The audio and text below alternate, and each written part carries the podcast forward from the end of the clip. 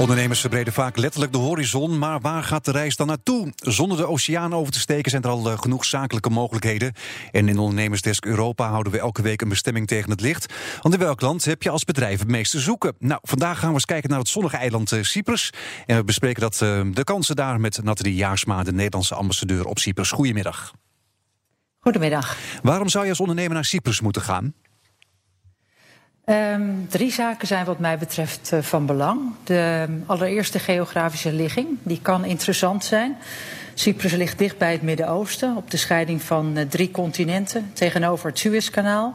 En een aantal bedrijven kiest Cyprus dan als EU-land als thuisbasis voor het zaken doen in, uh, in het Midden-Oosten. Uh, als tweede, de contacten zijn redelijk makkelijk. Mensen spreken allemaal Engels. Het is een oude Britse kolonie. Uh, mensen hebben gemiddeld een hoog opleidingsniveau. En natuurlijk is het onderdeel van de EU. En um, als derde. Cyprus heeft nauwelijks een eigen maakindustrie, terwijl er wel heel veel westerse bedrijvigheid is met een hoge levensstandaard. Bovendien een bloeiende toeristenbestemming. Dus allerhande consumentengoederen, maar ook machines voor wegenbouw, landbouw, afvalverwerking uh, vinden hier aftrek. Ja, je kunt het daar dus allemaal kwijt. Maar hoe komt het dat er bijna geen maakindustrie is? Um, traditioneel was dit een uh, behoorlijk agrarisch uh, eiland. Bovendien uh, veel toerisme altijd al. Um, veel Britse toeristen gaan hier traditioneel naartoe. Um, er is wel wat maakindustrie geweest in het verleden, maar die heeft het verloren van de concurrentie. Dus ja, de, de, het is nu beperkt. De maakindustrie is vooral gekoppeld aan de landbouw, bijvoorbeeld vruchtensappen en dergelijke. Ja, maar er zijn dus vooral dus kansen voor die maakindustrie. Nu zijn er ook vaak culturele verschillen. En waar kunnen ondernemers op Cyprus uh, tegenaan lopen? Um, nou, de Cyprioten die willen uh, vooral vaak hun uh, zakenpartner eerst goed leren kennen. Um, dus veel uh, uh, met elkaar eten. Je zal uh, vaak uitgenodigd worden het in, het, in, het, dorp van de ondernemer. Valt mee. Um, wat, wat, leuk is dat wij hebben als Nederlanders een, um, een goede reputatie. We hebben een reputatie van doeners.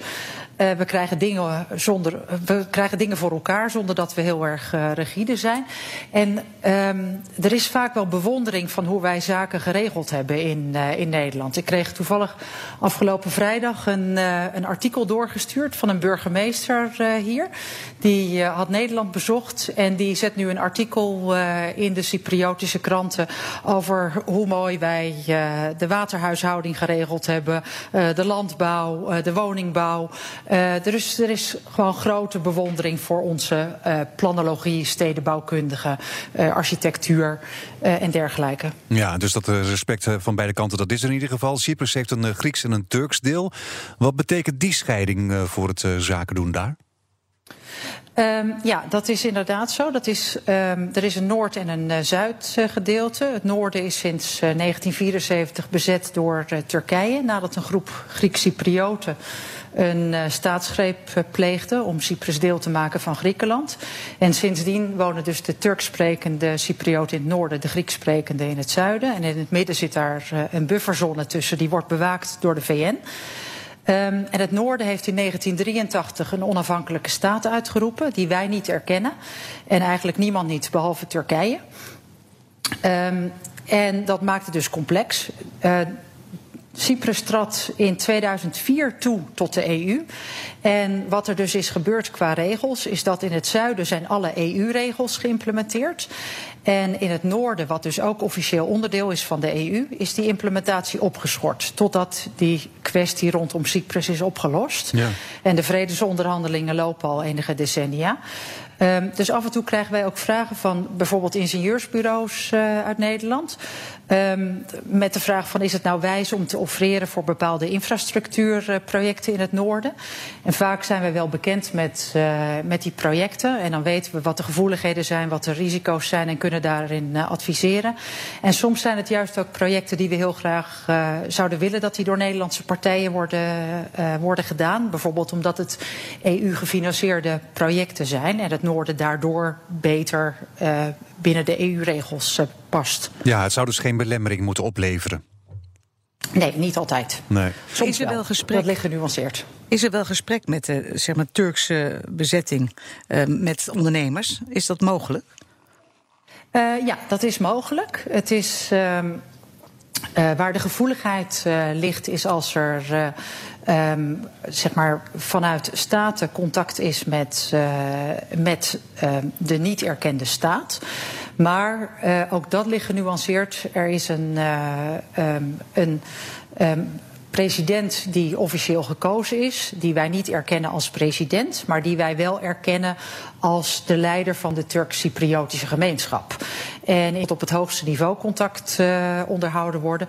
Maar de Turk-Cyprioten zijn Europees staatsburgers. Um, dus ja, iedereen kan, gewoon met, uh, kan daar gewoon mee, mee spreken en het bezoeken. Ja, waar liggen de grootste kansen? Wat is de opkomende sector?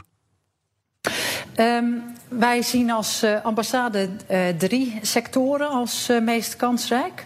Um, allereerst de energietransitie. Er is hier natuurlijk enorm veel zon. Cyprus heeft 320 dagen zon per, per jaar. Um, en we zien bijvoorbeeld interesse vanuit bedrijven, maar ook onderzoekers. Er is bijvoorbeeld een Gronings bedrijf dat hier een proefopstelling voor zonnecellen wil neerzetten, waarmee ze hun productontwikkeling kunnen versnellen. Um, je ziet dat de elektriciteitsopwekking, die uh, gebeurt nu nog met behulp van uh, zware stookolie. Nou, die centrales moeten allemaal omgebouwd worden naar uh, gas. En de markt moet verder geliberaliseerd worden, zodat er ook meer ruimte komt voor zonne-energie. Nou, de ambassade adviseert natuurlijk over de wet en regelgeving die daarbij wijzigt. Um, dan de, de landbouw zien we ook als een kansrijke sector, omdat de het land heeft te maken met uh, nogal wispelturige uh, regenval. Nu is het zomer, is het hartstikke droog. Um, in de winter kan het wel regenen. Maar we zien dat er sprake is van verzilting van de grond. En er is bijvoorbeeld een ziltboerderij in Tessel.